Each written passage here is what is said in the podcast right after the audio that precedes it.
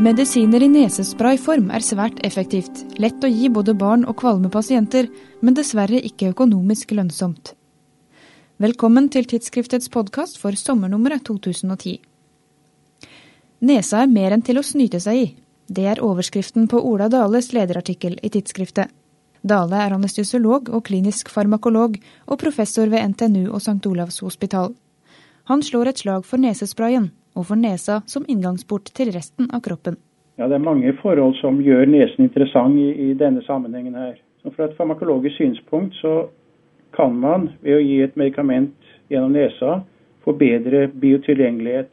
F.eks. hvis du tar fentanyl, smertestillende, som et tablett, så blir eh, bare 35% tilgjengelig mens bruker du nesa, så er det 90% som kommer inn i blodbanen. Det andre er jo at eh, opptaket for egne medikamenter er veldig raskt. Og virkningen henger ikke lenge etter intravenøs administrasjon. Så tredje er jo at det er lett å gi nesespray. Alle, alle kan jo gi det. I motsetning til intravenøst intramuskulært, som jo krever spesialpersonell. Og I tillegg så kan man jo gi nesespray til folk som er kvalme og kaster opp og som av en eller annen grunn ikke kan svelge. Nesespray har også sine ulemper. Det kan være farmasøytisk krevende å lage gode medisiner, siden sprayvolumet må være mindre enn 200 mikroliter for at det ikke skal renne over i svelget. Den korte veien fra nesa til svelget gjør det også vanskelig for medisiner som har veldig sterk og ubehagelig smak, og i tillegg er nesa et veldig følsomt organ, som er lett å irritere. Per i dag finnes det noen få medikamenter i nesesprayform på markedet. Og så vidt jeg vet, så er det første som kom kommersielt i, i Norge, det var uh, triptaner for migreneanfall. Disse pasientene er jo kvalme og kaster opp, så tabletter egner seg jo ikke noe særlig. Så er jo nasalt fentanyl, som jo er et opioid, det er godkjent for gjennombruddssmerte hos kreftpasienter. Og Gjennombruddssmerte det er en smerte som uh, kommer raskt og litt uventet ofte, og varer relativt kort. Så onkologene de har ønsket seg et preparat som på en måte eh, virker raskt og ikke altfor lenge. Og det gjør jo nasalt fentanyl.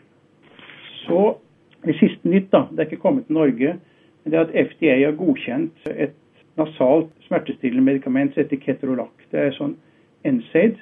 Det har vært utprøvd på storpå til smertebehandling, men jeg ser jo for meg at det veldig raskt kommer til å bli tatt i bruk ved stensmerter. Men potensialet er så mye større. Langt flere nesespraymedisiner burde finnes på markedet, mener Dale. Haloperidol til bruk i psykiatrien, antiepileptika og NSIDES er noen akuttmedisinske eksempler. Det kan bl.a. lindre smerte for barn og for kvalme pasienter. Så I smertebehandlingen så tenker jeg at steinsmerter, akutte steinsmerter, gallestein, nyresten, disse kaster jo opp.